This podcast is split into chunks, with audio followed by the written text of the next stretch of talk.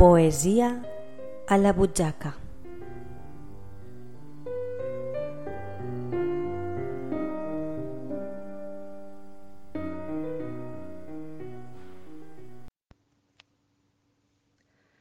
Buenas tardes, soy Lo y estamos en Poesía a la Buchaca. Y dentro de la saga que llevamos en marcha vamos a reflexionar sobre el perdón. Este tema es complicado. El perdón lo podemos abordar desde diferentes puntos de vista. Hoy voy a resumirlo en cuatro puntos. El punto de vista del que pide perdón, que lo consiga o no, pedirlo ya tiene mucho mérito. El punto de vista del que perdona, el punto de vista del perdonado y hasta desde el punto de vista de los afectados colaterales, que más tarde te diré quiénes son. Y hoy empiezo directamente contando lo que veo en el que pide perdón. Pedir perdón. Si supieras todo lo que yo veo, no sería tan difícil. Yo veo un joven valiente que solo quiere arreglar. Veo un corazón noble, abierto de par en par. Qué difícil es esperar. Qué difícil es acallar la sin razón y reconocer con humildad que fue sin mala intención. Qué difícil es esperar, exponerte vulnerable y esperar tan solo un perdón. Si supieras todo lo que te engrandece el gesto, no sería tan difícil.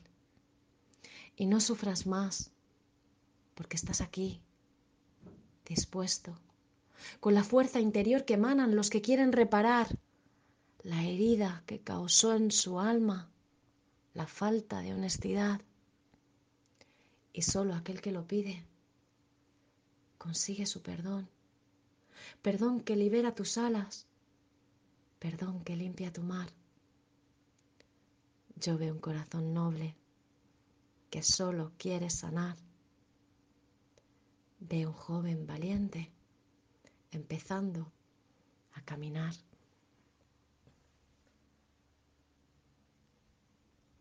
El poema trata de explicar el perdón desde el punto de vista del que lo pide. Independientemente de que lo obtengas o no, tú ya has hecho lo que estaba en tu mano y eso debe bastar para liberarte a ti mismo de tu carga.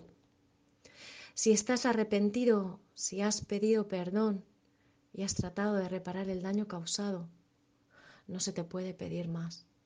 Ahora la pelota está en tu tejado, está en el tejado del otro. Y para saber lo que ocurre cuando la pelota está en el tejado del otro, vamos a analizar el perdón desde el punto de vista del que perdona. Y para ello traigo un conflicto muy atemporal, la infidelidad, que además tiene una resolución de las que no hacen ruido. Porque cuando la pareja se rompe, se entera todo el mundo. Pero si hay voluntad de perdonar, la historia es silenciosa. Y el hueso hace callo donde estuvo la fractura y puede que el hueso finalmente se rompa más tarde. Pero en todo caso se romperá por otro sitio, no por donde hizo el callo, que pasa a ser la parte reforzada del hueso. Y ya que estamos, pido perdón por el spoiler que acabo de hacer y empiezo a contarte la historia de Déjame que te cuente. Sacando la basura me encontré la torta. De esas que te dejan la cara roja con marca, que te hacen sudar, que te aceleran como un coche de carreras hasta quemarte las ruedas. Encontré su nota, con beso de pintalabios, pidiéndole un día más de escondida locura. ¿Qué pasa? ¿Qué es eso? Le dije temblando. No sé, contestó, desarmado. No es mío, dijo, perdiéndome el caso y encontrándolo solo al verme hacer la maleta. ¿Qué haces? No es mío. Te juro, no es nada, que no pasó nada, que te quiero a ti. Y sigo con la maleta. Y le pregunto, ¿quién es? Tan solo una amiga del curso de inglés, que así es con todos, que ella es así, que no es nada, que ella es rara, rara, nada más. Y me fui. Digiriendo la torta estampada en mi cara, me fui quemada. A Zombilán, a vivir o morir, no sé, pero me fui. A alejarme de ti, de tu engaño, de mis proyectos contigo, mis sueños hundidos que ahora rescato del baño, al verte confesar que fue el error de tu vida, que no quieres terminar. Y empieza en mí otro calvario, el de verte arrepentido, que tambalea mi fuerte y mi corazón herido. El orgullo no me deja mirarte a la cara. Y mi dignidad en jaque quiere un envite inminente del Enola Gay dispuesto, que no Hiroshima bastante, que aguante este ataque que hoy suelto. Y estallo, la rabia y el llanto en mi pecho. No me toques, Vete, vete con esa fresca del barrio, sin moral ni valores, vete con esa, no llores, no llores conmigo, vete, no llores, que no quiero consuelos unidos, unidos por el dolor de un error que hoy sufro contigo y que cargas en tu espalda de hombre arrepentido. No quiero días en velo. Ya murió la confianza, la mató esa manzana que envenenó tu bruja malvada del cuento sin compasión ni lamento. Que hoy se frota ya las manos con mi dolor y tus restos de ser humano maltrecho, acechando no muy lejos a devorar la carroña de nuestros sueños muertos. Y tras meses de duelo, levanto el vuelo de nuevo, sin compromisos ajenos, libre, serena, tranquila. Abro la puerta y te encuentro, esperándome todo el tiempo, imaginando ese día cero, deseando ser el primero en darme los buenos días. Y al otro también te encuentro, y al otro y al otro. Un año y sigues aquí, ofreciéndome solo momentos a mí. Me quedo con este ahora, con este tú que descubro, inventado, renacido. Y ya el pasado no vuelve. Si tú no lo traes a la hora y vas ganando terreno con un presente muy bueno, vas conquistando los años que pasan y pasan volando hasta el día que me encuentro en el porche con mi nieto, lanzando una nota al viento con la mirada llorada. Le digo, ven, ven dentro, déjame que te cuente nuestro cuento. En este poema vemos que hay que ser tenaz, fuerte y valiente para perdonar y que desde luego ese proceso con el tiempo deja de ser doloroso si no te empeñas en reabrir la herida. Y yo te invito a que trasciendas el drama cuanto antes, a que tomes decisiones en una dirección o en otra, pero que con independencia del camino que tomes, perdones. Que descubras tus fuerzas, tus fortalezas, que te quedes con el aprendizaje. En el programa de hoy aún nos quedan dos puntos de vista que abordar. Uno de ellos es el del perdonado. Y puede parecer que este es simplemente el que sale ganando, ¿no? Es decir, jolín, qué guay, que le perdonan. Y todos contentos y se acaba el cuento. Pues he de decir que no. A veces somos nosotros mismos nuestros mayores verdugos. Puedes hacer algo imperdonable, pero resulta que llega un día que los demás te perdonan y se liberan porque entre otras cosas descubren que no perdonarte es compartir tu castigo. Y tú en lugar de aceptar la liberación tomas esa cadena con la pesa que han soltado los otros y te la atas al cuello tú solo. Voy a contaros una historia en forma de poesía, pero que ya os adelanto que está basada en hechos reales. Se llama El amor desconocido.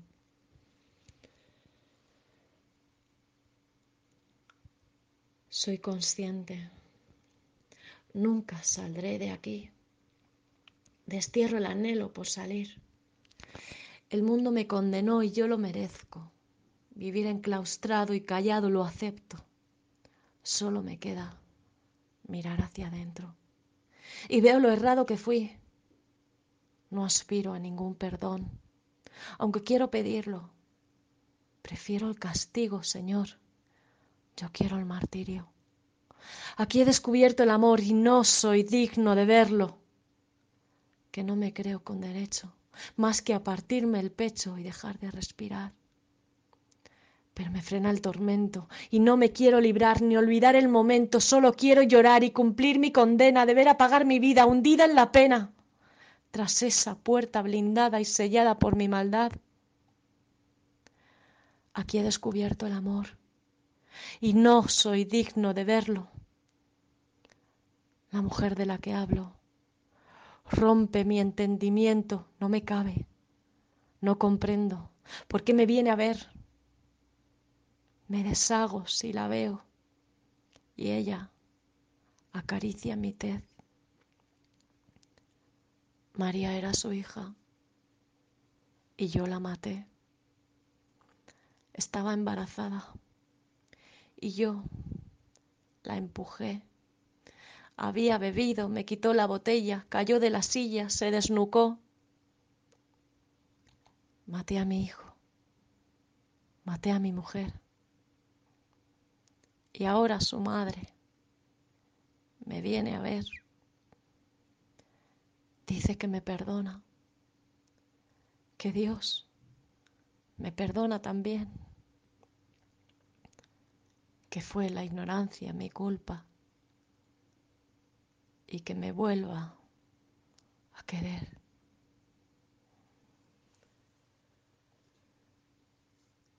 La realidad a veces supera la ficción.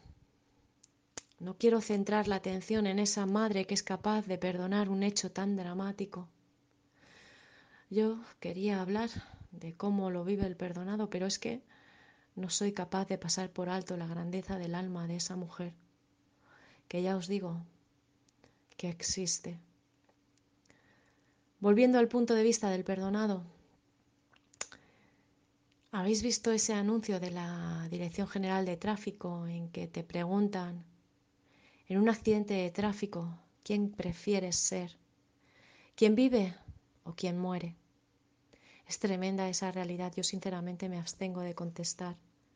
Si provocas un accidente, la sociedad te perdona. Pero, ¿y tú? En tu intimidad, si sabes que te despistaste, que mirabas el móvil, después de expirar tu culpa, ¿te perdonas? Para finalizar con el catálogo de puntos de vista sobre el perdón, eh, nos falta contar con los afectados colaterales. ¿Y quiénes serían estos? Pues, por ejemplo, en un conflicto entre dos niños de colegio, los afectados colaterales son el resto de la clase, los profesores, los padres de los niños, quizás sus hermanos si el conflicto se va ampliando. En un conflicto entre padres e hijos, los afectados colaterales podrían ser los abuelos, los nietos, los hermanos. Déjame que te explique cómo viven los colaterales esas, digamos, pérdida de papeles que a veces nos ocurren a todos. Te lo voy a contar con el poema La que has liado, pajarito.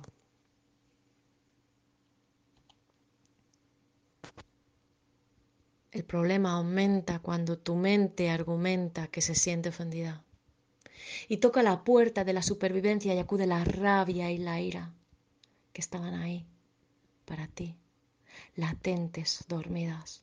Vienen a defenderte de ese oponente que convertiste en león con el poder de tu mente. Sigues en la carrera con mil pulsaciones por banda y viento en popa a toda vela. Directa la acción en cadena que indica tu organigrama y que pulsa tu mente.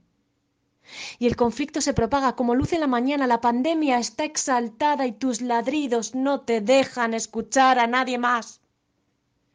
Y Jumanji te domina y te deja sin tirar, mientras pierdes en la mesa fichas de humanidad. Y otros quedan esperando que vuelva al ser racional, que acueste a las furias y apague el vendaval.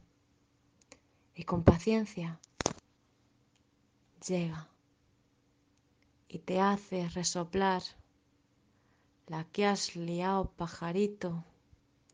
Vete al rincón de pensar Y mañana, más sereno, te empiezas a disculpar.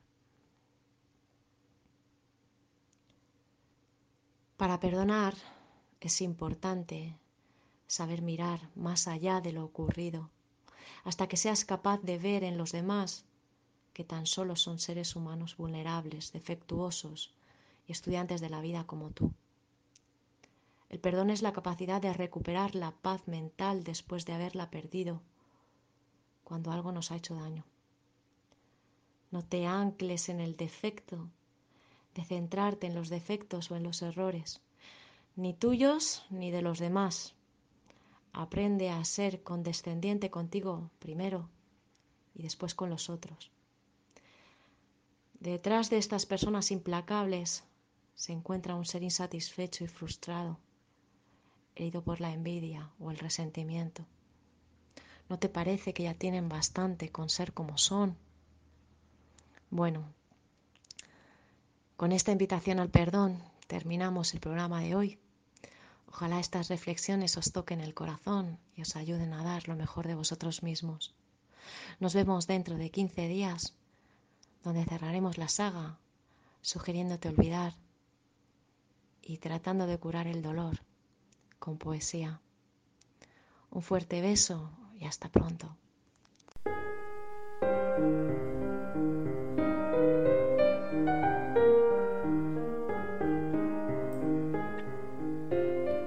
Poesía a la butxaca.